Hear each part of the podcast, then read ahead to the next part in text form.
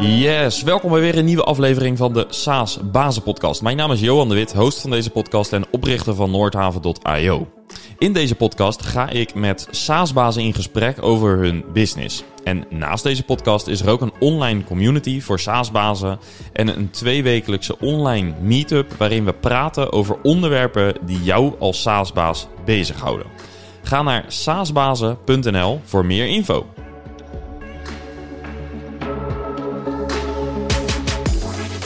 Deze podcast wordt mede mogelijk gemaakt door onze sponsor Leadinfo. Leadinfo is een SaaS-oplossing waarmee je precies ziet welke bedrijven jouw website bezoeken. Zo kan jouw salesteam eenvoudig leads opvolgen en dankzij slimme notificaties en koppelingen met andere systemen die je zelf kunt instellen, is Leadinfo een steeds belangrijker onderdeel van het marketing- en salesproces van B2B SaaS-bedrijven. Wil je meer weten over de mogelijkheden van Leadinfo? Ga naar leadinfo.com slash saasbazen. Vandaag gaan we het hebben over funding. En dat doen we met Johan van Meel, partner bij Peak Capital. Ik krijg veel vragen omtrent funding en de vraag over bootstrappen versus een VC-approach is een hot topic bij veel SaaS-bedrijven. In deze podcast is het thema VC-approach uh, dus ook al regelmatig voorbij gekomen. Zowel de voorstanders als soms ook felle tegenstanders. En daar is best een aflevering over te maken. Over de succesverhalen en minder succesvolle VC-backed ventures, om het zo maar te noemen. Maar in deze aflevering wilde ik vooral ook focussen op de praktische kant. Wat zijn eigenlijk de financieringsmogelijkheden? Wanneer kies je voor een angel investor en wanneer is het tijd voor een VC? En hoe zit het met al die termen? Seed funding, Series A, Series B en ga zo maar door. Ik krijg dat soort vragen dus best wel veel. En vandaag gaan we ons dus in, die, in deze podcast helemaal richten op die vraag. Wat zijn de financieringsmogelijkheden voor SaaS-bedrijven van start-up fase tot scale-up fase?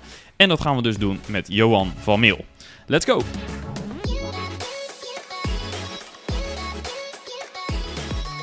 Yes, Johan, van harte welkom in de SaaS Bazen Podcast. Dankjewel. Bedankt uh, dat je hier uh, naartoe wilde komen om het uh, te hebben over ja, toch wel funding. Het -hmm. financieren van een start-up. dat is waar jullie mee bezighouden.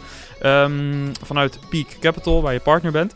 Um, zou je jezelf om te beginnen voor willen stellen? Um, je hebt, het is een understatement denk ik om te zeggen dat je veel SaaS-bazen spreekt.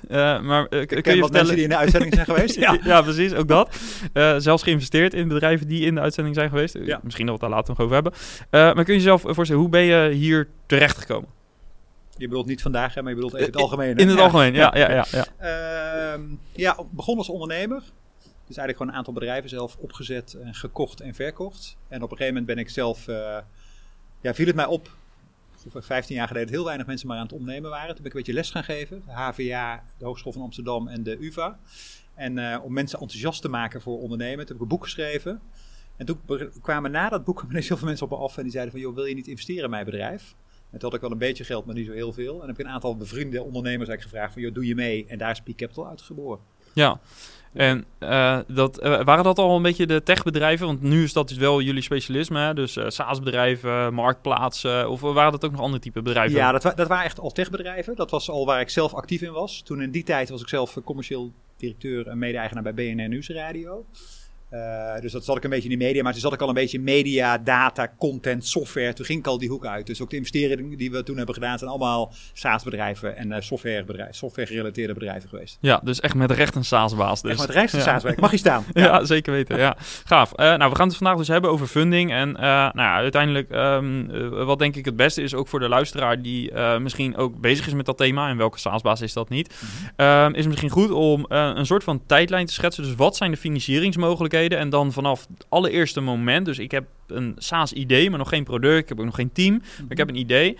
En ik heb wat geld nodig om misschien een prototype te maken of dat soort Tot, nou, misschien de exit. Maar laten we eens beginnen bij dat begin. Ja. Um, in die eerste fase, ik heb een idee. Uh, wat, zijn, uh, wat, wat is van jou uit het advies om, uh, of de mogelijkheden omtrent financiering daarvan? Ja, als je een idee hebt, ik denk het belangrijkste is als je een idee hebt om een bedrijf op te starten. Ook zelf uh, een paar keer meegemaakt, het belangrijkste waarmee je begint is dat je een goed team verzamelt. Dat is volgens mij, daar begint het mee. Want je kan een heel goed idee hebben, maar om dat echt te laten vliegen en ook om dat succesvol te hebben, maar ook om geld aan te trekken, moet je een goed team hebben. Wij gebruiken zelf heel vaak die term uh, hacker, hustler en hipster. Van, je hebt een techneut nodig om het natuurlijk te bouwen. Je moet een product guy of girl hebben om het uh, te creëren en om het goed te laten smoelen. En je moet iemand hebben om te verkopen. Dus ik denk, daar begint het mee. En als je dat hebt, dan kun je vervolgens denk ik de volgende stap aan gaan. We zien vaak wel dat, dat ondernemers financiering ophalen zonder dat ze dat hebben. Dus dat is denk ik wel goed om even specifiek te benoemen. En terwijl dat wel moeilijker is, denk ik. Want een beetje investeerder die kijkt volgens mij eerst naar, uh, heb, is het geloofwaardig dat je met dit team dat kunt doen? Exact, want het begint met het team. Ja. Dus, uh, dus iedere opportunity die wordt beoordeeld, wordt er als eerste naar het team gekeken. Dan pas naar het product. Dus dat is denk ik wel belangrijk voor jezelf om als founder uh, goed te beseffen. Uh, en dan vervolgens is de vraag, als je dat team dan hebt en je hebt dat idee, eigenlijk, en je, je wil dat gaan verwezenlijken, dan heb je natuurlijk kapitaal nodig om dat te verwezenlijken. Nou, je hebt, ik denk een aantal fases waarop je dat zou kunnen, zou kunnen doen, of een aantal manieren. Uh, eerste is, als je zelf een idee wil beginnen, ik zou altijd kijken naar wat kan ik zelf financieren. Dus wat kan ik zelf aan eigen liquide middelen of uitgesteld salaris of mijn hypotheek verhogen, whatever. Hoe kan ik dat eigenlijk zelf doen? Dat is het goedkoopste geld, zit het dichtst bij en ook het hoogst risicovol. Dus daar zullen ook mensen die dat anders aanbrengen een grote ja, reward voor willen brengen. Ja. Vragen.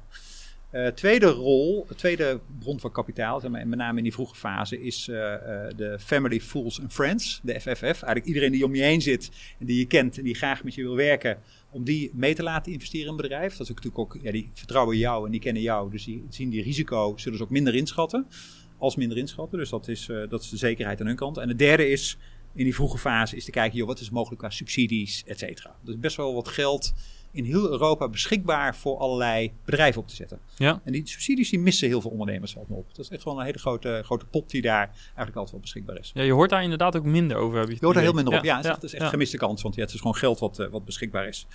Um, nou, en dan vervolgens ga je eigenlijk je bedrijf bouwen. Dus dan ga je, nou, heb je het geld opgehaald, dan kun je jezelf betalen. Kun je, je team kan zichzelf iets betalen en je kan aan de gang. En dan komt het, denk het moment dat je gewoon een POC of een MVP of whatever gaat bouwen en naar de markt toe gaat. En vaak heb je dan nog geld nodig ook om natuurlijk die klanten te vinden, om wat campagnes te doen, om misschien om wat sales te doen, et cetera. Dus dan ga je vaak naar uh, angel money toe. Dus eigenlijk gewoon mensen uit jouw omgeving die eigenlijk een investering willen doen in jouw bedrijf. En dan in ruil voor of aandelen of een lening die converteert naar aandelen. Ja, dat is eigenlijk een beetje de high net worth uh, individuals. Dan. Ja, exact. Ja. ja. En dat kan, je zegt het terecht, de high net worth individuals. Dat is inderdaad een hele grote groep. Maar ik heb ook uh, ja, zelf een aantal keer meegemaakt als ondernemer. Maar ik zie het ook als in de cap table van bedrijven waar we naar kijken. Dat kan ook iemand zijn van het hockeyveld. Of ja. de buurman of een oom. Hm. Weet je, het is echt wel, ja. zit best wel dichtbij vaak. Zijn vaak ook niet hele grote tickets. Maar is dat dan al een convertible note bijvoorbeeld? Ja, dat kan zijn equity. En dat kan zijn een convertible note. Ik zou zelf, als ik een ondernemer was, en ik heb die fout wel een aantal keer gemaakt om het niet goed te doen, dan zou ik altijd met een convertible note gaan werken. Omdat je namelijk, zeker die beginfase, die MVP-fase, nou we weten allemaal van ja, dan ga je je bedrijf starten, je gaat iets bouwen en je gaat iets verkopen. Wat je vaak ziet is dat je toch wel een keer moet aanpassen. En dat het altijd langer gaat duren dan dat je van tevoren had gedacht. En als je dan mal met equity bent begonnen, ja, dan ga je iedere keer 10 of 20 procent verwateren. En dan ga je op een gegeven moment wel uh, heel veel verwateren. Dus ik zou altijd in die hele vroege fase altijd met convertible notes werken. Ja, en misschien is het goed om uh, voor de mensen die convertible notes niet kennen, kun je dat ja. concept uitleggen? Ja. Um, hoe, hoe werkt dat? Convertible note wil eigenlijk zeggen is een lening die inderdaad iemand aan jouw bedrijf geeft. En die gaat converteren, vandaar de term convertible, naar aandelen op een bepaald moment of als er iets gebeurt. En dat kan zijn dat er een nieuwe aandelenronde gaat plaatsvinden. Dat is vaak een heel logisch moment. Dan krijg je een conversie. Maar dat kan ook bijvoorbeeld zijn in tijd. Dat als je na twee jaar nog geen nieuwe ronde hebt opgehaald, dat die dan converteert naar aandelen. En de waarde van de aandelen, die is wel of niet bepaald in een convertible note. Dus de zogenaamde cap, de capitalization, van een uh, convertible. En de tweede wat is bepaald is de discount. Dus de korting die die investeerder krijgt versus die volgende Omdat ronde. hij zo vroeg instapte. Omdat hij zo vroeg instapte, ja, exact. Ja. En, En dat zijn eigenlijk de, ja. de, drie, de drie, samen met de rente natuurlijk, de vier belangrijke factoren die een convertible hebben. Maar convertible is echt het ideale moment om dat hele vroege financiering te doen. Omdat je anders, ja, je weet nooit hoe lang die runway doet. En wat we best wel vaak zien is bedrijven die equity ophalen in een hele vroege fase. Of heel erg gaan verwateren, die founders. Omdat ze namelijk gewoon iedere keer opnieuw equity willen ophalen. Nou, dan krijg je later krijg je een heel groot probleem. Eh, eh, of dat ze op een gegeven moment wel geforceerd worden om de markt in te gaan. En voor geforceerd worden om minder equity op te halen. Terwijl ze eigenlijk niet een goeie, goed product hebben. En daardoor gewoon ja, versneld gaan schalen. En dan ja, tegen een muur aanlopen. Ja. Zit er ook nog een specifiek nadeel aan zo'n convertible note? Ja, het heeft voor de investeerder, in dit geval heeft het, eh, kijk een investeerder die wil met name de economics en de control. Dus die geeft minder controle, geeft minder economics ook, geeft minder eh, zekerheid eigenlijk wat dat betreft. En ook als het dan succesvol is, dan kan een convertible note kunnen van allerlei dingen mee gebeuren. Ik denk voor de founder heeft het eigenlijk alleen maar voordelen. Want die kan ook uh, convertible notes ophalen. Die kan nu een convertible note ophalen van een ton, even bij spreken. Kan dan gaan groeien. En als hij dan weer eentje nodig heeft, kan hij weer een ton ophalen nog een keer. Dus die kan echt kralen rijgen. Ja. En kan zodoende best wel veel kapitaal ophalen. Zonder zelf direct te willen te hoeven verwateren. Ja. Mits hij natuurlijk die terms goed heeft bepaald. Ja, plus het feit dat het is meer een praktisch puntje dat het nog relatief eenvoudig administratief op te lossen is ten Ja. opzichte van natuurlijk wat meer al een vroegere aandelentransactie. Absoluut, je hoeft niet langs de notaris. Je kan gewoon een onderhandse overeenkomst kan dat zijn. Dus, eh, Overigens kan dit misschien ook een gevaar zijn, hè, dat het zo laagdrempelig is dat je misschien... nou, dat is dus die controle waar ik net aan verwees. Daardoor kan wel eens een convertible note kwijtraken of discussie overkomen, et cetera. Dus dat is wel het nadeel. Maar het is inderdaad, dat is het grote voordeel van een convertible. Ja, oké.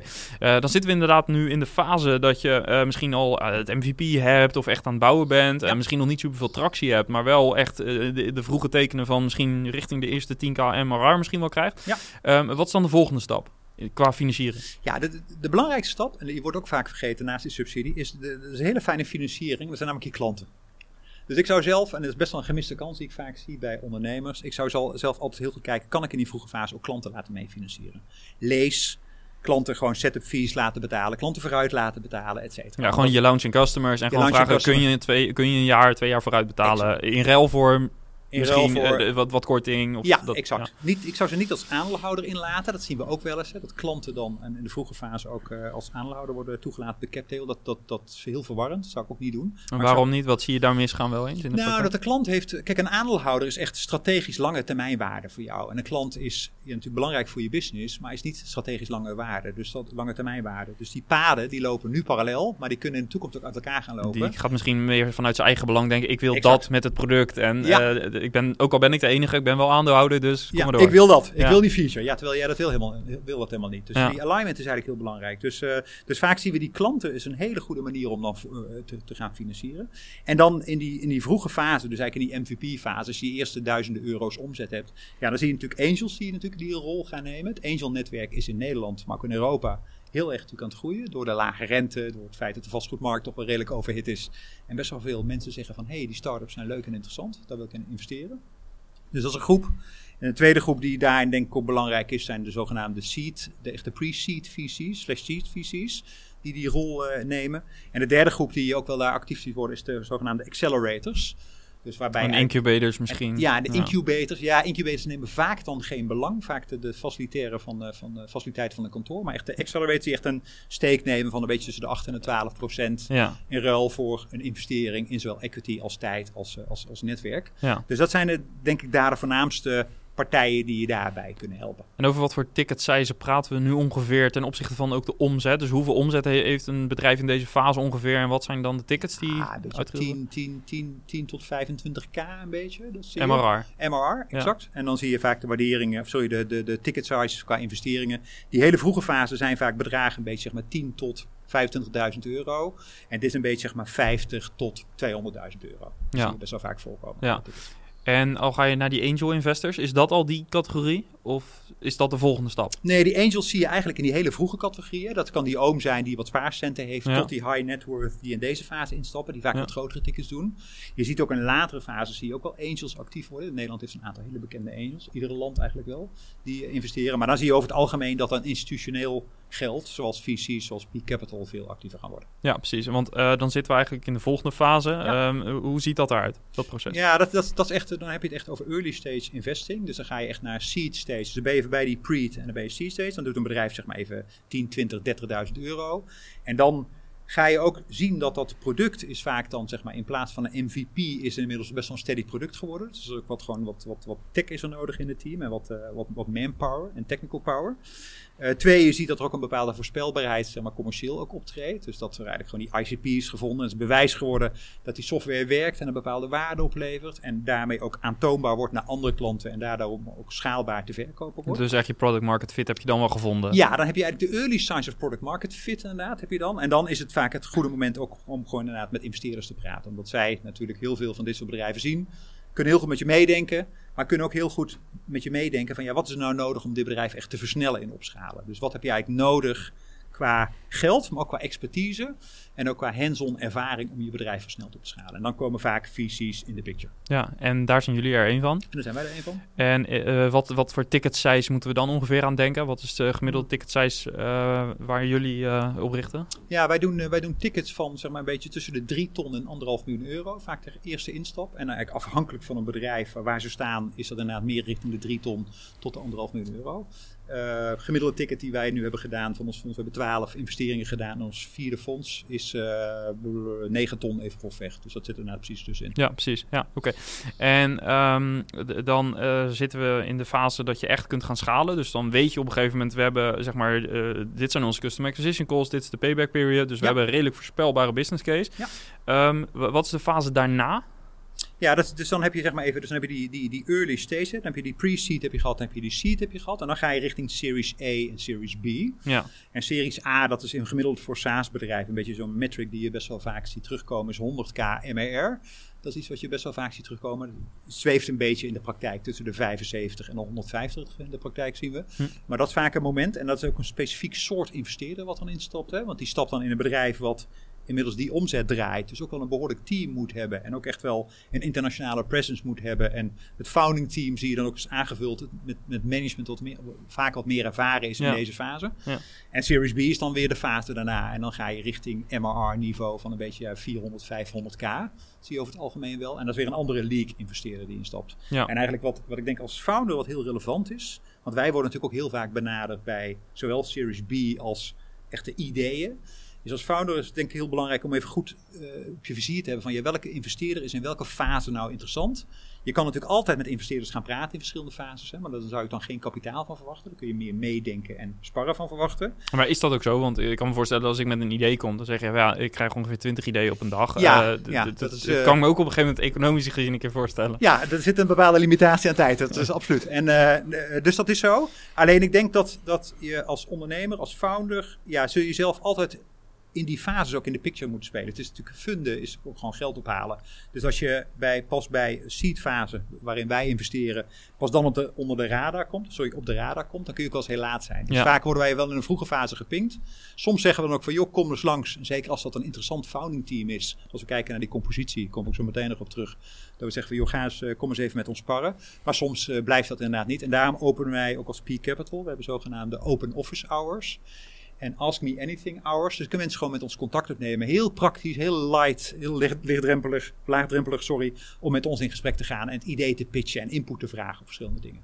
En eigenlijk is dat ook eigenlijk om te proberen dat je zo vroeg in contact kan komen, zodat je beide elkaar een beetje in de loop houdt. En als, Absoluut. als je op een gegeven moment eh, rond de MR-grens van 25, 50 komt, dat je Ja. dan inderdaad het gesprek eh, verder aan kan. Ja, en, en, en het is ook zo dat wij niet alleen maar instappen bij die 2550. Dus eh, als ik nu kijk, we zijn bijvoorbeeld recent in Stek gestapt, een bedrijf. Ja, dat heeft nog vrijwel geen omzet. Even een beetje idee te krijgen. En daar zijn we ook ingestapt. Dus, maar dan moet het inderdaad een, een, een team zijn waar wij natuurlijk heel veel vertrouwen in hebben. En dan moet het ook een thesis zijn.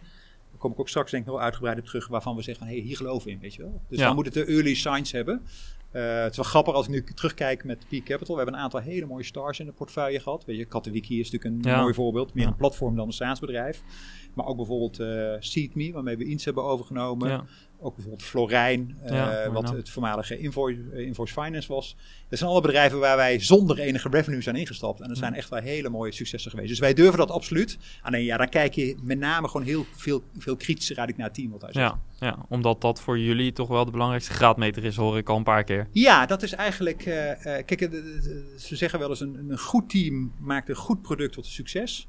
Maar een slecht team kan een goed product ja, volledig vernachelen. En volledig, eh, dus een goed team is heel bepalend eindelijk in het succes. En ja, en dan is de vraag vervolgens: wat is een goed team? Ja, precies, maar die vraag komt. Ja, dat dacht ik al. die, die vraag die komt zeker. Ehm, en ehm, nou ja, eh, d- alles wat daarna komt, exits en dergelijke, is misschien voor nu eh, gaat misschien te ver, omdat we het met name dus willen hebben over dat, dat, het voorste gedeelte. Ehm, als het over funding gaat, eigenlijk gaat dit dus over geld hè, in, Ja. in, in de basis. Eh, maar wat zijn nou andere thema's die ook op tafel liggen op het moment dat, eh, dat dit soort gesprekken gevoerd worden? Even los van het team dus, hè, maar eh, bijvoorbeeld ook thema's als duurzaamheid. wat, wat zit daar verder aan vast? Kan je ons een beetje meenemen achter de schermen naar wat voor thema's jullie op tafel leggen? Of de SaaS-bazen in kwestie op tafel leggen die een rol spelen bij beoordeling of jullie zoiets wel of niet gaan doen? Ja, dat is een brede vraag die je stelt. Ik sla hem even plat. Van hoe beoordelen wij proposities die binnenkomen? Mhm. Ehm, kijk, we hebben natuurlijk een bepaalde investment thesis. Hè? Ieder fonds heeft een bepaalde focus. Dat hebben we op onze site ook staan. Daar staat in waarin investeren we wel en waar investeren we niet. Dus wij zijn echt SaaS, marktplaats en platform investeerder die in eh, eh, eh, Noord-Europa investeert. Met de focus op Benelux, de, de DAC region en Nordics. Dat is zeg maar onze, onze geo-scope. En wij investeren typisch in seed stage bedrijven. Ik denk, als je als founder op zoek gaat naar een investeerder, is het heel goed om even te kijken waar investeren deze, deze investeerders in. Om Ja. een duidelijke scope te hebben. Want anders verdoel je echt je tijd. En dat zou best wel jammer zijn. Wij maken zelf ook, overigens eh, staat op onze blog, op onze site, ook een map. Voor in dit geval specifiek bijvoorbeeld Benelux. Van ja, als je een seed stage SaaS bedrijf bent, welke investeerders moet je dan mee praten? Dat is gewoon een volledige overzicht ook van maps. En daar hebben we ook de investeerders ook in staan die zowel die eigenlijk alleen maar actief zijn. Er zijn ook heel veel investeerders die hebben ooit geïnvesteerd met een fonds, maar die zijn niet meer actief. Die staan ook niet in die map, dus dat Nee. bespaart je denk ik ook tijd. Dus daar begint het mee. En het tweede is dan te kijken naar ja, hoe gaan die investeerders bedrijven beoordelen. Eh, waar wij zelf voor hebben gekozen, dat doen we nu eigenlijk sinds een jaar, is eh, onze investment thesis van iedere investering te publiceren. Gewoon heel transparant naar de markt eigenlijk. Dus weet je, neem Precisely, waarin we recent in Zweden hebben geïnvesteerd. Wij publiceren waarom investeren we in zo'n bedrijf en waarom investeren we in dit geval in Precisely en niet in de concurrenten. En wat vinden we ant- interessant aan het team en aan het thesis en aan de tractie en aan de timing, et cetera. Dus wij leggen dat heel goed uit. En Ja. ik denk als je dat doet als founder, dan krijg je ook wel een goed gevoel van, joh, hoe wordt er nou naar de markt gekeken? Ja, En eh, we hebben ervoor gekozen om dat zelf dus heel transparant te doen. Omdat we daarmee ook denken dat we founders ook helpen in het realiseren van funding. Want ja, eerlijk gezegd, eh, funding is natuurlijk heel belangrijk. Maar ja, het is niet het belangrijkste wat er is. Want dat is namelijk gewoon je bedrijf succesvol opbouwen. ja, En daar is funding een middel voor, denken wij. En zeker niet een doel. ja. En eh, kun je ons meenemen in zo'n thesis? Wat staat daarin? Eh, zeg maar even voor, voor het beeld van die zaal. Sowieso denk ik goed om een linkje te plaatsen naar Ja, een van deze, ja. even in de show notes, naar een van deze documenten. Ehm, eh, kun je ons meenemen? Want je gaf al aan, team is er één, thesis is er één. Ja. Komt er Ja, dus, nog dus, ja dus, wij, dus wij kijken inderdaad eigenlijk, zoals we, we hebben een intern scoring model ge- gebouwd eigenlijk. Wij bekijken, om een beetje idee te krijgen, zo'n 12.000 bedrijven per jaar. Bekijken wij en dan hebben we uiteindelijk afgelopen jaar zes investeringen gedaan. Dus we, zien best wel veel dingen. en dat is best wel handig om een beetje focus te hebben. Ook om een, Ja. een schaalbaar proces voor onszelf ook te hebben. Ja. Dus dat hebben we afgelopen jaren gebouwd. De Piek bestaat 13 jaar, dus we hebben best wel wat, eh, wat intelligence daarin zitten. En ehm, wat we doen is iedere propositie die bij ons binnenkomt, die kijken wij aan de hand van vier T's. Team, tractie, thesis en timing. Nou, team, waar wij specifiek naar kijken bij SaaS-bedrijven is, is dat team compleet? En we hebben daar ooit de term hacker, hustler en hipster voor bedacht. Wat inmiddels ook wel internationaal door Ja. allerlei andere partijen wordt Die gebruikt. komt bij jullie vandaan. Die hebben we Oh, ook ik heb bedacht. Dat vaak genoeg gezien. Ja. Ja. en eh, hacker natuurlijk de techneut, de hipster de product guy or girl en de, de eh, hustler de commerciële man of vrouw. Ja. Dus dat, is, eh, dat vinden we heel belangrijk in het team. Het tweede wat we heel belangrijk vinden is dat, die, dat het team een hele goede founder market fit heeft. En dan zie je, bij SaaS-bedrijven is dat denk ik helemaal relevant. Ja, als jij inderdaad een legal tech oplossing wil gaan verkopen aan juridische afdelingen, dan helpt het als je zelf een legal achtergrond hebt of dat werkt. Als je dat nog nooit hebt gedaan, is dat heel anders. Ja. Dus zeker bij een vertical product, hè, als je echt focust op een vertical, moet je in die vertical wel. Ja, eh, daar moet je wel wat hebben. snappen. Absoluut, moet je wel snel. Moet je achtergrond hebben of daar, weet je, dat is, dat, dat is heel relevant. Het derde waar wij bij het team heel erg naar kijken is de, eh, eh, de data-driven approach. Dus wij denken ook dat, dat en ook, hebben zelf ook ervaren als ondernemers, maar we zien dat ook bij onze eigen succesvolle ondernemers, is bedrijven zijn succesvol als ze heel erg goed op de data zitten. Dus echt heel goed doorhebben, wat gebeurt er nou in mijn bedrijf, wat gebeurt er met mijn product, wat gebeurt er met mijn klanten. En hoe beter je dat eigenlijk doorhebt, hoe beter je je bedrijf eigenlijk kan managen. En ik ben zelf als ondernemer nooit zo heel data-driven geweest. Dat ben ik ook in de loop der jaren geworden. Maar ik denk dat als je nu een techbedrijf echt opzet, is het key dat je die data gewoon echt heel hoog ja, in je prioriteit hebt staan. En dus ook bijvoorbeeld je mixpanel heel vroeg Ja, in- al hebt. En je usage, gewoon, je ja. usage data heel goed hebt, et cetera. Dus dat is, die data-driven approach, dat is wel een ding waar wij heel erg op, eh, op zitten. Dus dat zeg maar heel erg aan de teamkant. dus dat even een paar voorbeelden. Los van natuurlijk dat het heel belangrijk is om een story te tellen en weet je, even al wat zachtere dingen. Maar Ja. dat laat denk ik een beetje zien. Tractie hebben we het net al even over gehad. Hè. Wat daar belangrijk natuurlijk is. Eén, liefst natuurlijk mooie MRR groeicijfers. Ja. Mooie CAC LTV ratio's en payback times, et cetera. Dat Ja. dat het liefst. En wat Maar- voor growth rate zou je moeten laten zien op maandelijkse basis? Wat, wat, Ja, dat is heel erg afhankelijk van de fase. Ehm, eh, kijk, het liefst willen wij gewoon minimaal year on year drie keer. Dat is gewoon liefst. Ja. We kennen allemaal de, de modellen om uiteindelijk naar die 100 miljoen euro te komen. De, de T3 Double Two. Maar dat zie je natuurlijk niet bij alle bedrijven. Dus je moet gewoon eigenlijk wel onder de hoed, onder de motorkap kunnen kijken om de echte groeicijfers te zien. En dan kijk je veel meer naar ja, groeicijfers. Je kijkt naar, wat ik zelf een hele mooie altijd vind, is net dollar retention. De NDR, zoals die Amerikanen die noemen. Dus inderdaad, je bestaande klant, als je nu geen nieuwe klanten meer toevoegt, hoeveel Hoe waarde voegen die nou eigenlijk toe? Ja. Maar dat laat eigenlijk echt zien hoe blij je klanten zijn met Ja. je product. Ja, dus- en hoeveel upsell mogelijkheden er in je, Exact, eh, ja. in je huidige klantengroep Ja, zit. alleen Ja. vaak is heel vroeg, en als je het hebt zeg maar even over die vroegbedrijven, vaak heb je dat soort datastromen gewoon niet. En Ja. daar gaat het eigenlijk gewoon heel erg over, ja, wat zijn je klanten? En dat vind ik altijd een hele belangrijke vraag die ik heel vaak aan stel. Van ja, wat zijn de klanten? Wat is het pijnpunt wat je nou eigenlijk oplost? Dus ben je, zoals wij heel vaak ook zeggen, ben je nou een painkiller of ben je een vitamin? Ja. Een painkiller, ja, daar wil je Of voor betalen. supplement, dat dan je helemaal verkeerd. Ja, supplement vind ik een mooie. Dat is de derde, die ken ik dan niet. En, ehm, eh, en, het, eh, eh, en vervolgens, als dat dan die waarde, die painkiller is, van ja, wat is nou de waarde die je echt oplost? Ja. Het valt me op dat SaaS-bedrijven heel vaak heel weinig rekenen voor de pijn die ze oplossen. Vaak heel erg competitiegedreven ook. En vervolgens ja, is er bewijs van dat je die waarde eigenlijk oplost en kun je dat schalen. Ja. Dus dat zijn, vind ik in die vroege fase, zeker als je zeg maar veel werkt met pilots en POCs en zo, wel altijd weer hele duidelijke criteria. Als je dat, ja, dat moet je eigenlijk scherp hebben in deze fase. Ja. Als je dat niet scherp hebt, moet je denk ik terug naar de te- tekentafel als founder en dan toch met je klant praten en daarachter komen en kijken wat het uit- uiteindelijk is. ja, dus eigenlijk zeggen we, je moet heel duidelijk weten wie is de ideale klant. Ja. Ehm, wat is het profiel, wat zijn de karakteristieken daarvan?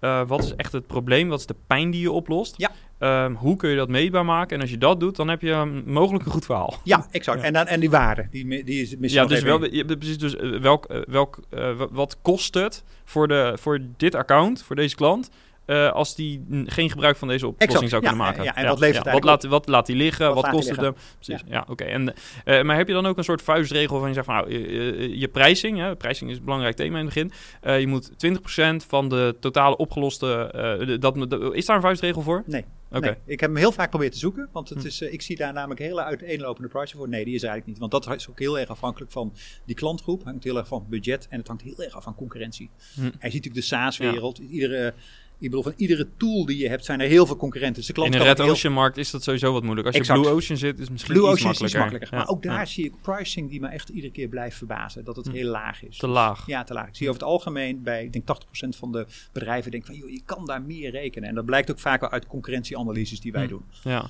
En het waardebepalingen. Dus dat is zeg maar die tractiepunt, hè, die tweede T. Dan de derde T waar we altijd heel erg naar kijken, is de zogenaamde thesis. En dan kijken we eigenlijk, ja, wat is nou, wat, welke, wat lost het probleem, sorry, wat, welk eh, probleem lost dit bedrijf nou uiteindelijk op? Wat zijn klanten? Hoe groot is die markt? Wat is zijn concurrentie? Hoe zijn die gefund? Wat zien we strategisch gebeuren in die markt? Is die markt aan zich groeiend?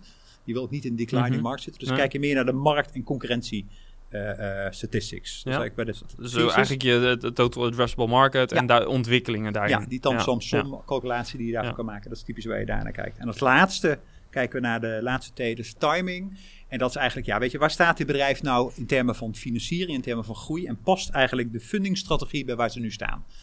En wat je natuurlijk heel vaak ziet, is dat er heel veel, met een, oké, we zijn toevallig nu ver met een bedrijf, net een collega van me aan de lijn, dat je ziet dat een bedrijf heel veel funding gaat ophalen. En dan ga je, wij kijken natuurlijk gewoon ook dieper dan het pitch deck en gaan natuurlijk even wat berekeningen maken. En dan zie je vaak dat die funding ook helemaal niet nodig is.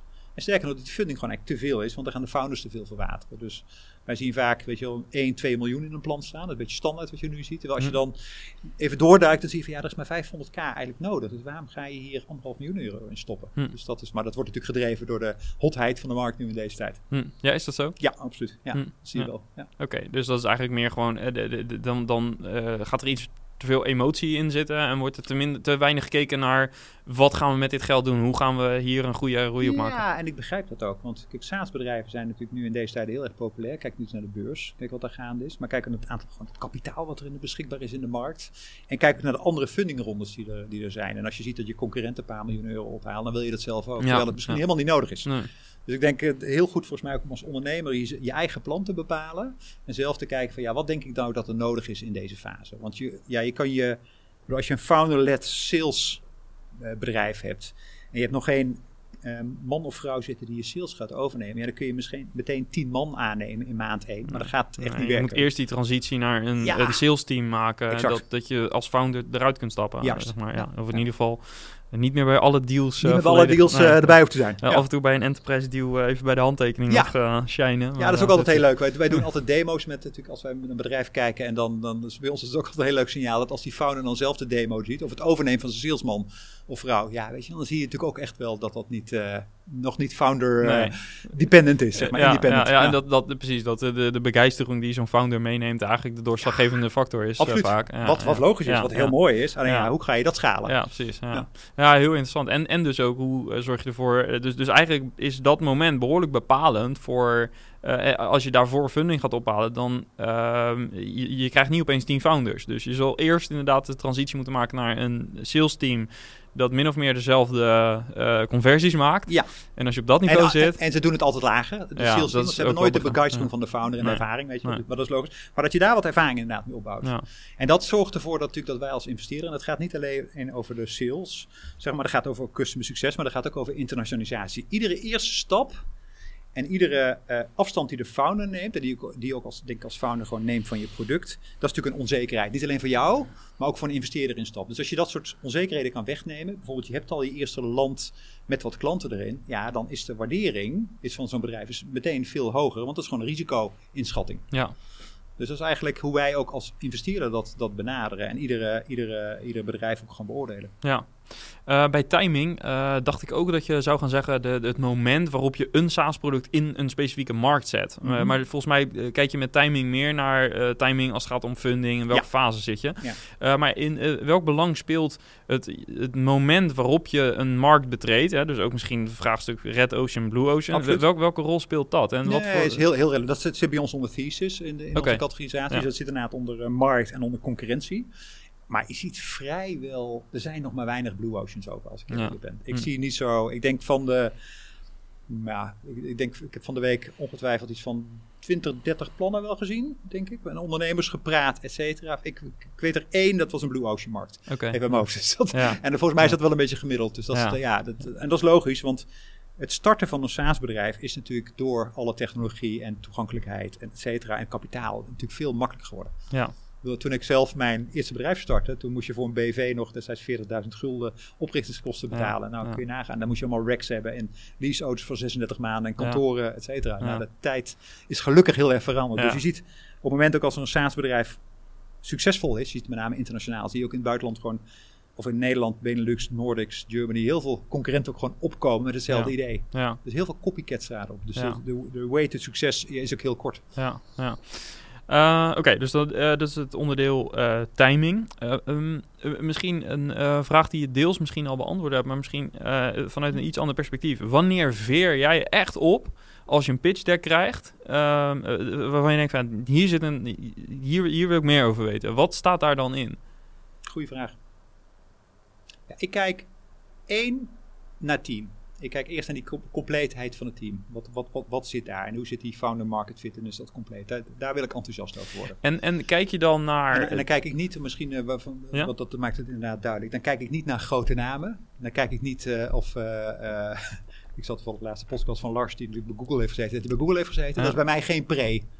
Dat is, niet, dat is geen nadeel, maar daar word ik, ben ik niet van onder de indruk. wat is wel? wel een pre? Een pre is wel als je in die markt hebt gezeten. Ja. Een pre is wel bijvoorbeeld dat je het eerder hebt gedaan. Een pre Ja. is ook als je eerder op je bek bent gegaan. Succesvol is natuurlijk heel makkelijk, want dat Ja. is natuurlijk een hele grote pre. Maar het succes repliceren, dat is vaak heel moeilijk. Maar ik vind, als een ondernemer onderuit is gegaan, dan vind ik dat vaak positiever dan dat hij eh, succesvol is geweest. Want dat laat namelijk echt wel zien dat hij echt door een, eh, iets heeft geleerd en iets heeft opgepakt. Ja, Dus daar kijk ik naar. Ehm, eh, het tweede waar ik naar kijk, even los van natuurlijk het team, is word ik enthousiast over het product? Zie ik daar wat in? Zie ik de pijn die opgelost wordt? En dat zie je natuurlijk met techbedrijven, moet je daar vaak wel een beetje doorgraven.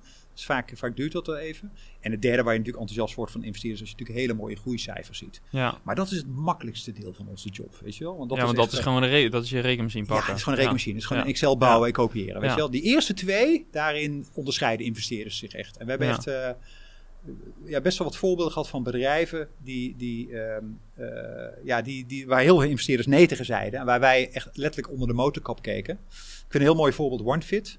eh, Waar we ooit naar keken en waar we ooit geïnvesteerd hebben en hebben verkocht aan Urban Sports Club, de Duitse grote concurrent. En eh, daar keken wij naar destijds. En die groei die was indrukwekkend voor OneFit, maar die was niet top. Maar met name de unit economics daar Het is een sportabonnement, even voor alle duidelijkheid voor de luisteraars ook, die, waar je kan sporten. De unit economics die waren helemaal niet zo goed. Maar als je onder de motorkap keek, dan keek je dat de unit economics, zeg maar met name van member get member. Dus als jij sportte en jij ging mij aanraden, die unit economics waren heel goed. En die waren ook nog eens heel gezond, want wij gingen dan samen sporten, we bleven langer lid. Maar we gingen ook minder sporten, dus ook de marge op dat model was veel beter. Maar dan moet je echt wel even inzoomen model, want overal zijn de unit economics dan niet heel positief. Maar daaronder, de kern van het product namelijk, want dat is echt customer happiness, ja. die is heel goed. Nou, ja, dat is ook de lange termijn dus. Dat is ook de lange termijn, exact. Ja. Dat is denk ik het doorkijken wat je als investeerder uh, natuurlijk moet doen. En dat haal je niet direct uit die tractiecijfers. Hè. Dat moet met name zitten in je geloof inderdaad in het product en in het team. Ja. Maar dat is ook denk ik aan founders dan, om dat die ondernemers ook te laten zien. Dus ik denk als founder is het key om vanaf het begin af aan, en we zien dat heel vaak niet, alles gewoon te meten wat je doet. En alles inderdaad in, met segment of mixpanel of whatever vast te leggen. En alle datapunten eigenlijk te verzamelen. Zodat je daarna ook kan teruganalyseren van... hé, hey, wat is hier nou eigenlijk gebeurd? En hoe komt het dat dit gebeurt? Ja, en betere beslissingen kunt nemen. En betere beslissingen kunt nemen, ja, exact. Ja, um, als het gaat over die, uh, die pijn die je oplost... Um, nu heb jij zoveel pitch decks gezien, dus je zal daar op een gegeven moment ook een spier voor ontwikkelen dat je gewoon weet van oké, zo moet je dit beschrijven en zo, mhm. zo uh, en dit geloof ik, dit koop ik. Um, wij helpen heel veel uh, startups en scale met met name het marketinggedeelte, waarbij je dus ook value proposition opzet. En uh, wij kijken eigenlijk altijd van, oké, wat is de emotionele pijn die je oplost? Wat is de economische pijn die je oplost? En de functionele pijn die je oplost? hè? Dus wat zijn daar de, de voordelen? Um, waar moet de nadruk op liggen in zo'n pitch deck? Waar, dus als we jou aan boord willen hebben als, als VC, ja. waar, waar kijk je het meest naar? Ja, dan, dan, dan, waar wij naar kijken is, is deze pijn, is dit echt pijn? Of is dit echt een latente pijn? Of is dit een pijn die ooit eens kan ontstaan? Moet je eerst nog moet je je klantgroep eerst nog gaan vertellen dat ze een probleem hebben. Juist. Ja. En ook, en ook wat, wat, hoe, hoe heftig wordt die pijn ervaren? Ik bedoel, als je een barstende hoofdpijn hebt, letterlijk, dan ga je ieder alles beta eh, betalen voor een aspirine. Ja. Terwijl als je een beetje ja, eh, heel licht last van je rug hebt en af en toe een speech, ga je niet betalen. Dan ga je gewoon naar masseur toe ooit. Weet je? En dat is echt het verschil hoe wij dat beoordelen. Dus, dus hoe harder die pijn is en ook hoe groter en ook hoe duidelijker die pijn is, ook in, in euro's te kwantificeren, nog los van of dat inderdaad emotioneel of functioneel of wat dan ook is.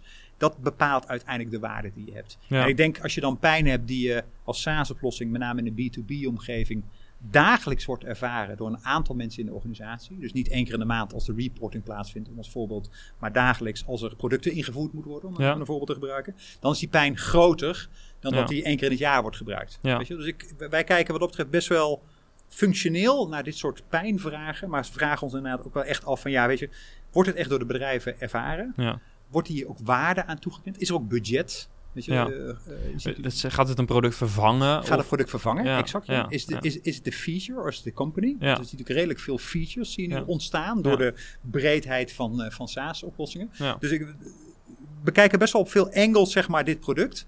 Om dat uiteindelijk te kunnen beoordelen. En ik denk dat om dat te kunnen inschatten, dat, dat is natuurlijk de waarde die je als investeerder toevoegt. Ja, want anders kun je dat hele proces wat we hebben, eh, groeicijfers, et cetera, en teamchecks kun je, kun je automatiseren. Ja, ja. Oké, en um, wanneer, uh, ja, het is misschien een rare vraag, maar uh, mm wanneer sla jij het pitch deck echt gelijk weg? Als je, wat, wat mag er echt niet ontbreken? Of wat mag er niet in staan? Wat mag er niet in staan? Ja, wat wij, wat wij, we, we hebben gewoon uh, gezien ook de hoeveelheid pitch decks die wij krijgen. We hebben een aantal dingen, dus gewoon bij ons echt een no-go. Single founder, is gewoon een no-go. Ja. Doen we gewoon niet. Zeggen we ook gewoon direct van, joh, ja, weet je, we hebben geleerd dat de succesvolle techbedrijven gerund worden door meerdere founders. Wat is het ideale aantal?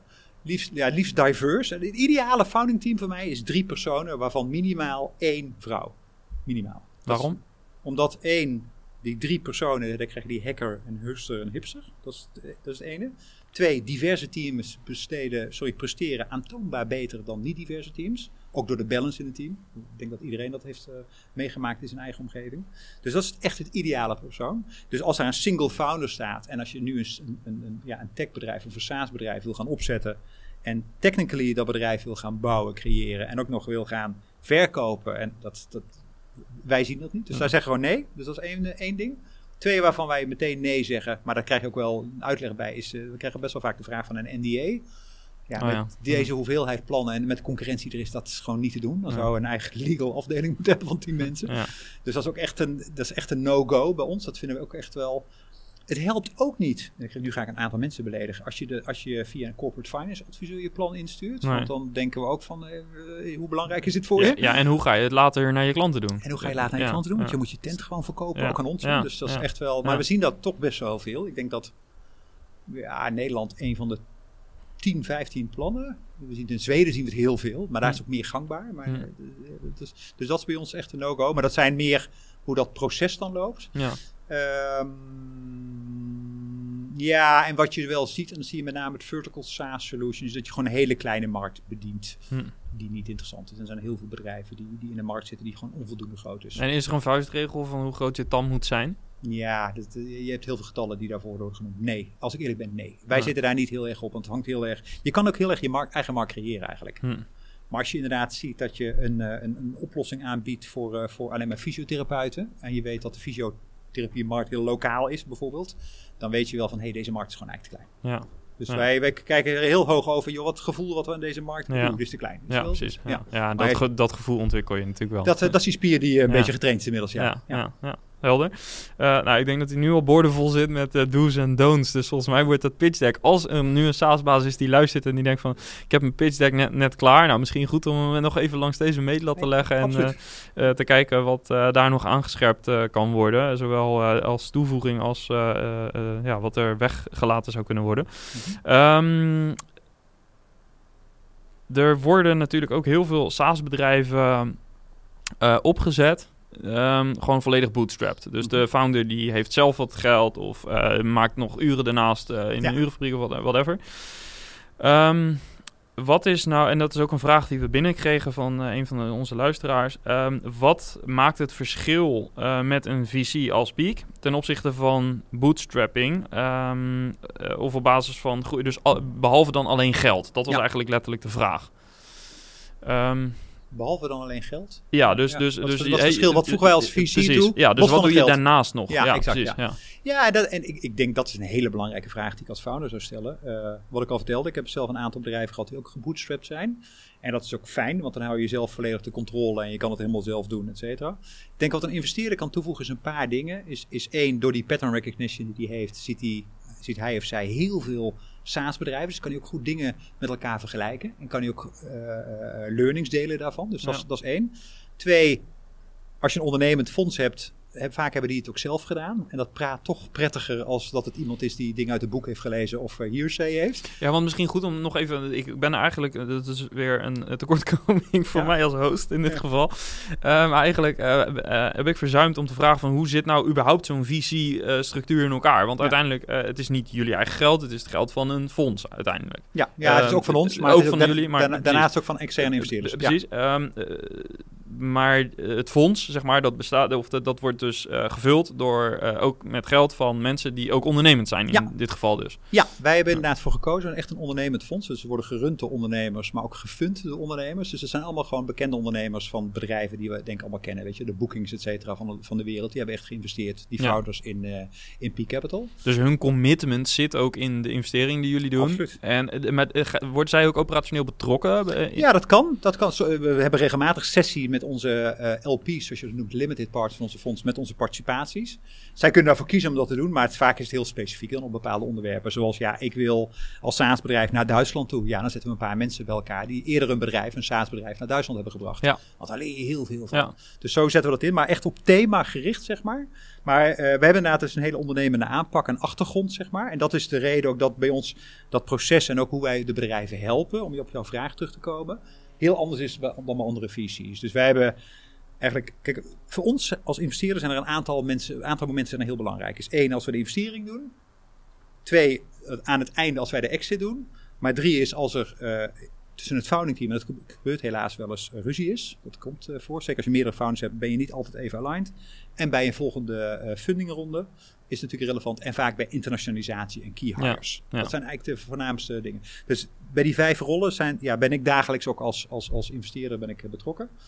Uh, bij de bedrijven die ik daarin help. En verder is hebben we eigenlijk alles Wat daarnaast relevant is, zoals reporting, zoals standaardovereenkomsten, zoals de ESOP-regeling met je mensen, zoals je toegang tot de platformen, zoals het, eh, wel, welke recruitmentbureaus wel of niet goed zijn, dat hebben we allemaal gestandardiseerd. Zodat Ja. jij als founder gewoon daar geen tijd aan hebt. Een Slack-omgeving dat iedereen met elkaar communiceert, maar ook een eigen platform dat mensen heel makkelijk informatie kunnen vinden. Als je een perslijst moet hebben van tech reporters in de Nordics, rrrt, hier is hij. Weet je, Ja. wel, echt op dat niveau. Ja, Dus daarmee geven we denk ik heel veel waarde aan die ondernemers, dat wij ons heel erg kunnen concentreren op die vijf events die heel belangrijk zijn. ja, En ik heb zelf als ondernemer ook gemerkt, ja, dat dan kun je ook waarde toevoegen.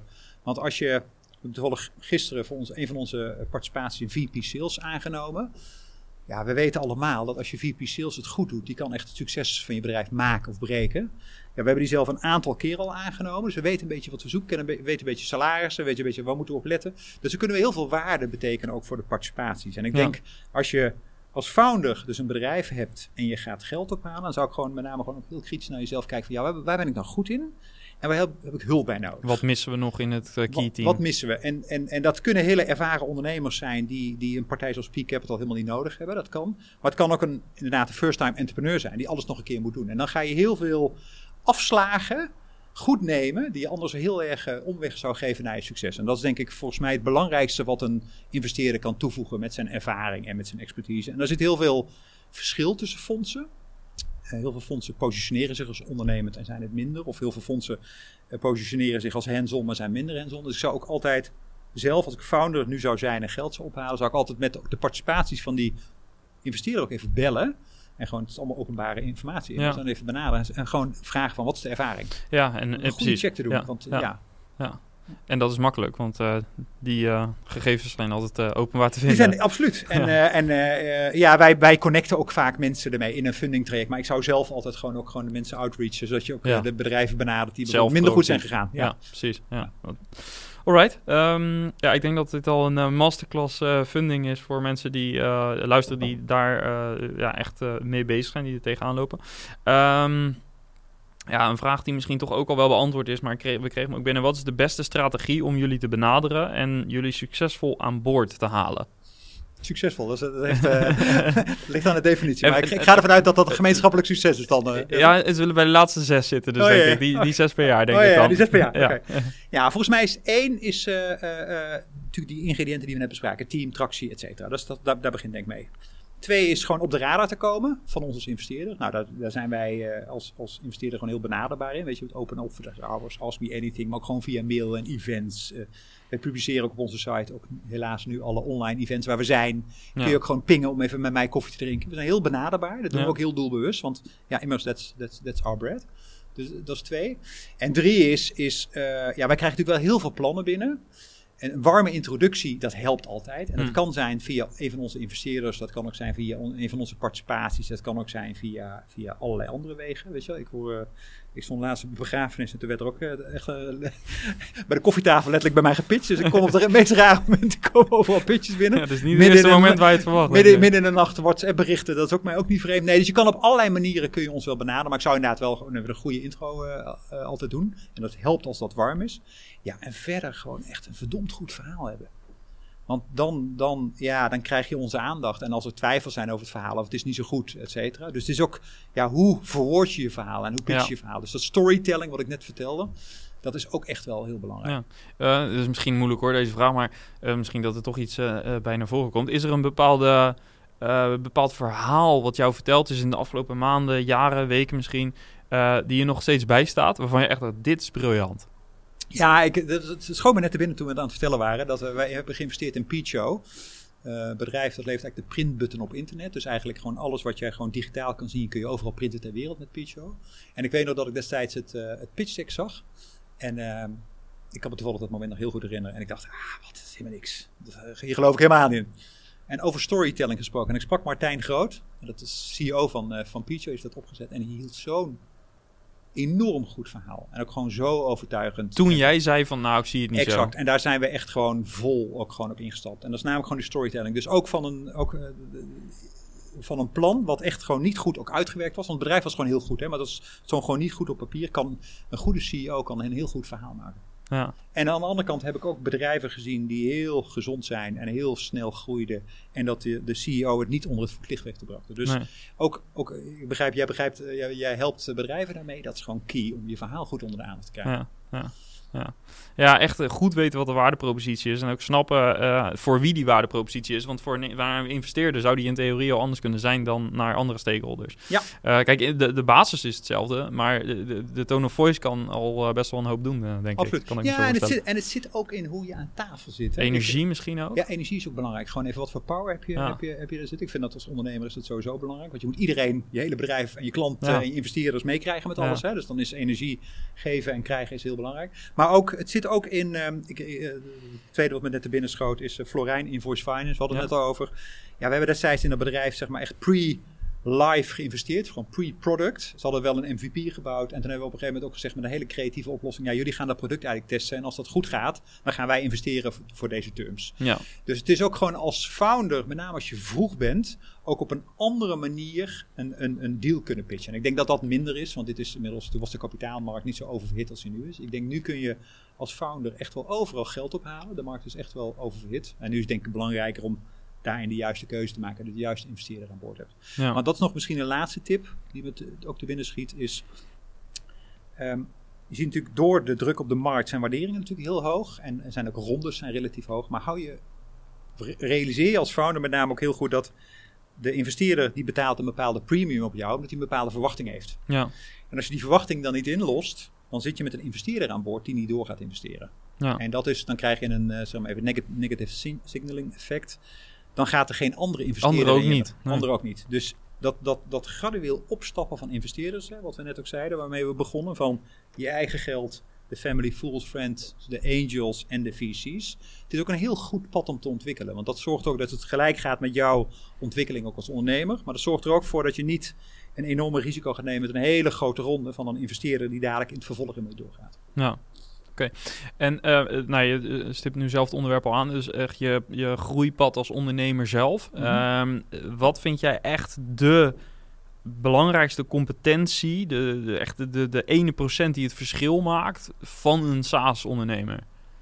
Ja, het is gewoon een blind geloof in wat je doet.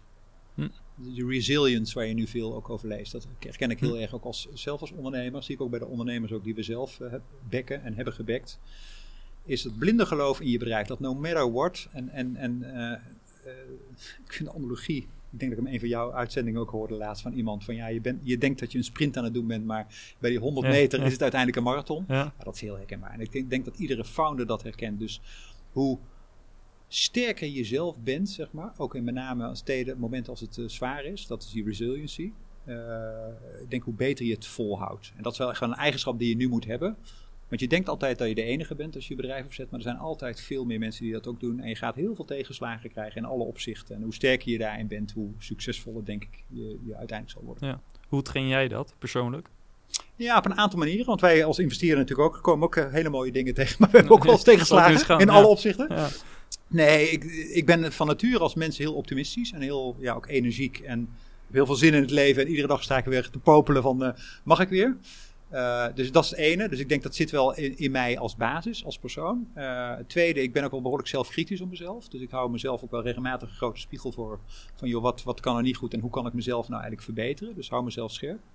Ehm, ik laat me ook inspireren door andere mensen die ik volg, waarnaar ik luister, et cetera. Wat er gebeurt in de markt. Ik, luister veel podcasts bijvoorbeeld.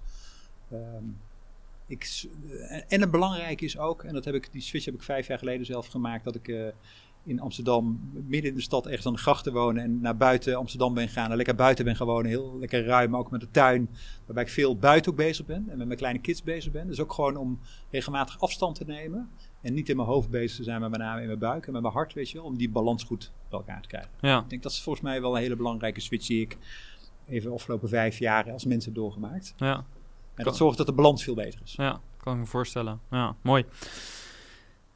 Eh, komen we een beetje aan het eind. Is er nog iets eh, wat jij graag over funding zou willen zeggen, wat, ik, eh, eh, wat niet ter sprake is gekomen?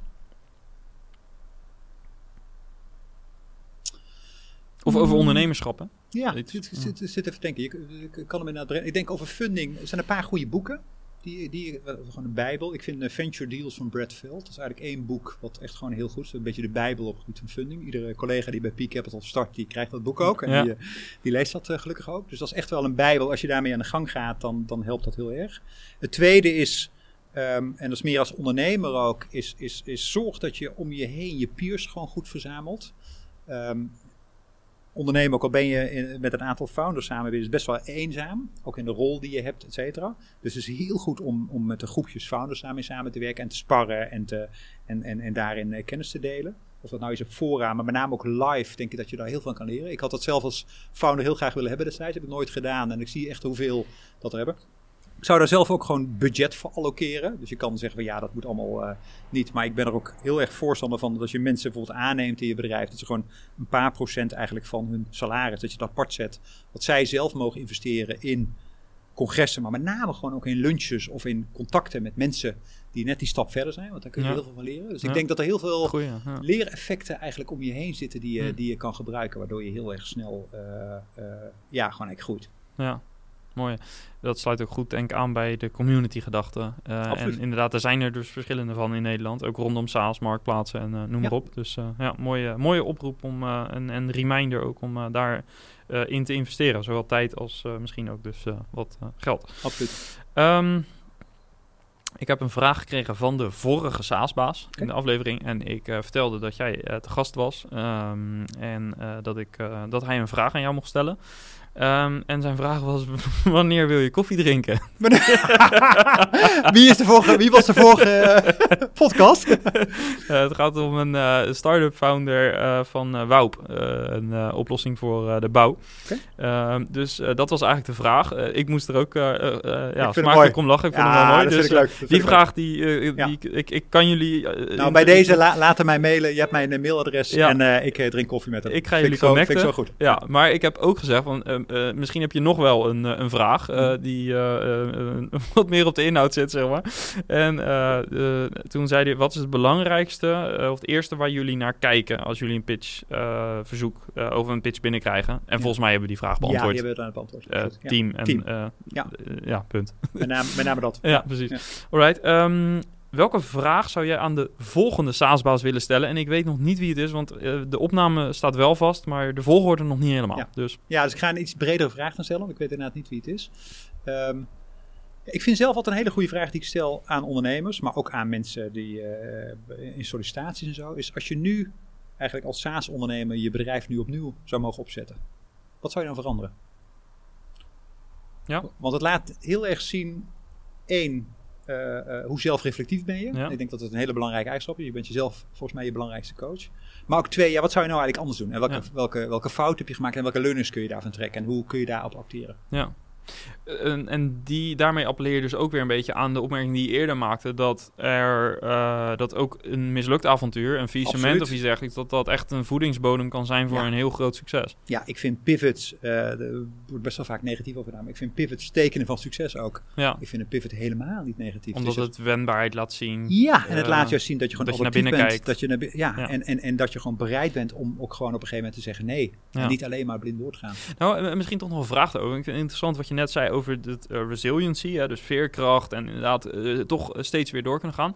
Eh, kan daar ook een gevaar in zitten als het gaat om dat je misschien op een gegeven moment echt te koppig wordt en dat Ja. je echt dat, dat je ja, trek aan een dood paard is misschien de meest Ja. Nederlandse uitdrukking Ja, die, die, ja. die dan naar voren komt. Maar Ja. kan dat ook een gevaar zijn of zeggen we ja, nee, als founder moet je dat gewoon hebben en, en dat moet dan maar ergens anders vandaan komen? Ja, dat is een hele goede vraag. Want wanneer wordt resiliency inderdaad koppigheid en wanneer moet je inderdaad echt piften? Ik heb daar eerlijk gezegd het antwoord niet op. Ik denk dat het heel belangrijk is. Je voelt dat volgens mij zelf. De situatie specifiek Het is eigenlijk. heel situatiespecifiek, maar je voelt het met name zelf. Dat heb ik zelf als ondernemer ook ervaren. Van op een gegeven moment gaat het niet meer. En verlies je zelf ook geloof daarin.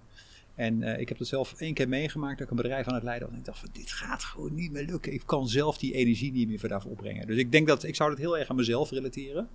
Want zelf ben je de trekker van een bedrijf. En als jij het niet meer gelooft, dan gelooft eigenlijk niemand er meer in. Dus Nee. als je zelf resilient bent en je merkt op een gegeven moment, hey, ik zit tot mijn max. En ik zie dat best wel veel bij ondernemers. Hè. Ik, ik ga, als ik eh, met mensen wat verder ben, ga, ga ik met hem of haar best wel diep op het gesprek ook gaan. Maar weet je, wat zijn motivatie en hoe kijken naar de situatie? En, en, en dan zie je best wel, ja, zie je best wel, ik zie best wel tranen eh, verschijnen bij mensen in hun ogen. En ook gewoon even dat, dat ze het zwaar hebben. Dat begrijp ik ook als ondernemer. Want het is, het is echt gewoon pittig. Het is Ja. echt een marathon. Ja, ja zeker. Ehm, wat, wat, is, wat, wat drijft jou persoonlijk echt? Want die, die vraag zul je ook stellen, Ja, denk ik ook. Maar wat, absoluut. hoe is dat voor jou zelf? Ja, dat is ook. Ik had als ondernemer altijd, eh, eh, voordat ik ging ondernemen, wilde ik natuurlijk ondernemer zijn. En dan wil je succesvol ondernemer zijn. En dan wil je investeerder zijn. En dan wil je succesvol investeerder zijn. En dan wil je nog succesvol investeerder zijn. En op een gegeven moment is dat. Wat komt daarna? Ja, wat komt daarna? Nee, dus ik heb zelf wel voor mezelf ook wel een ambitie om Peak Capital wel gewoon tot grote hoogte te brengen. Dus dat is ook de reden dat wij nu ehm, met ons fonds, ehm, eh, we zijn nu aan het investeren vanuit Peak Capital 4. Dus ons vierde fonds. Ons eerste fonds hebben we helemaal zelf gedaan. Ons tweede fonds was een eh, relatief klein fonds, eh, 3 miljoen euro. Ons vierde fonds was eh, 12 miljoen euro. Ons vijfde fonds, of sorry, ons vierde fonds, excuus, waarmee we nu investeren, is 66 miljoen euro. Dus wij maken een grote stap up, zeg maar, wat we doen. Ook onze spread. Dus mijn ambitie is inderdaad om Peak Capital in Europa uit te rollen. En daar ben ik eigenlijk iedere dag mee bezig om te zorgen dat we de positie die we nu eigenlijk in Nederland en in België hebben, om die inderdaad met name in de Nordics en in de DAC region gewoon eigenlijk uit te bouwen. En, en waarom?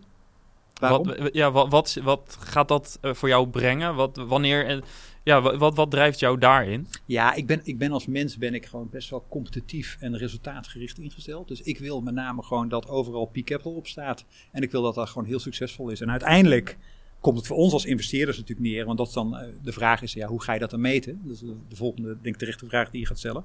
Dat is uiteindelijk het rendement wat wij voor onze investeerders maken. En wij Ja. investeren zelf ook eh, behoorlijk mee in ons fonds, maar ook onze LP's. En fondsen worden uiteindelijk beoordeeld op zogenaamde IRR. Dus dat is eigenlijk gewoon de, re- de rendement wat wij per jaar maken op onze investeringen. En mijn Ja. ambitie is dat Peak Capital toch wel binnen een paar jaar in de top van Europa gaat zitten. Op dat Ja. front. En wat is de metric die daarin eh, voor jou echt het allerbelangrijkste is?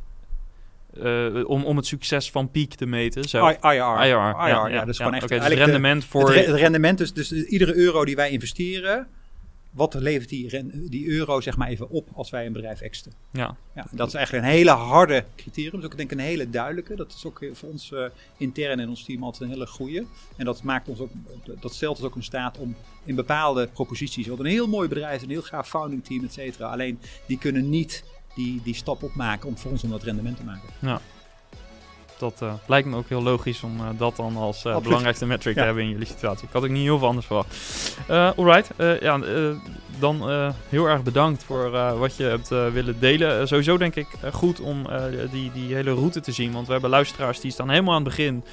zitten met een idee, maar weten niet zo goed wat de volgende stap is. Nou, ik denk dat ze daar vandaag wel wat antwoorden op hebben gekregen. Maar ook in al die fasen daarna. Ja. Ehm, ik zal ook zorgen dat de resources die je hebt gedeeld, dat die zoveel mogelijk in de show notes terechtkomen. Ja. En dat mensen ook eh, op hun gemak eh, dingen kunnen teruglezen. Ja, volg ons voor, via Medium zijn we redelijk actief. Ook Ja. eh, via LinkedIn we publiceren veel. Ons blog op onze site. Ja. Staat behoorlijk wat op. Ja. En ook veel interessante resources die jullie delen. Dus ik volg dat ook altijd met veel belangstelling. En ik denk dat dat voor veel SaaS-bazen sowieso fijn is. Ehm, en ja, nogmaals, als ze met je in contact willen komen, dan kunnen ze op de website kijken. En dan staan ongeveer de richtlijnen wel op wat, wat nodig is om met jullie in contact te komen, denk Absoluut. ik. Ja, zeker. Eh, nogmaals dank. Leuk, dankjewel.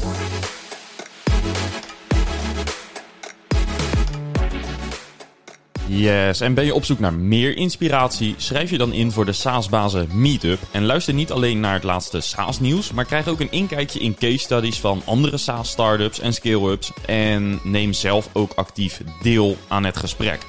Ga naar saasbazen.nl en klik op, op Meetup voor meer informatie. Bedankt weer voor het luisteren. Laat een review achter om ons te helpen om de podcast steeds beter te maken. En hopelijk tot volgende week. Bye bye.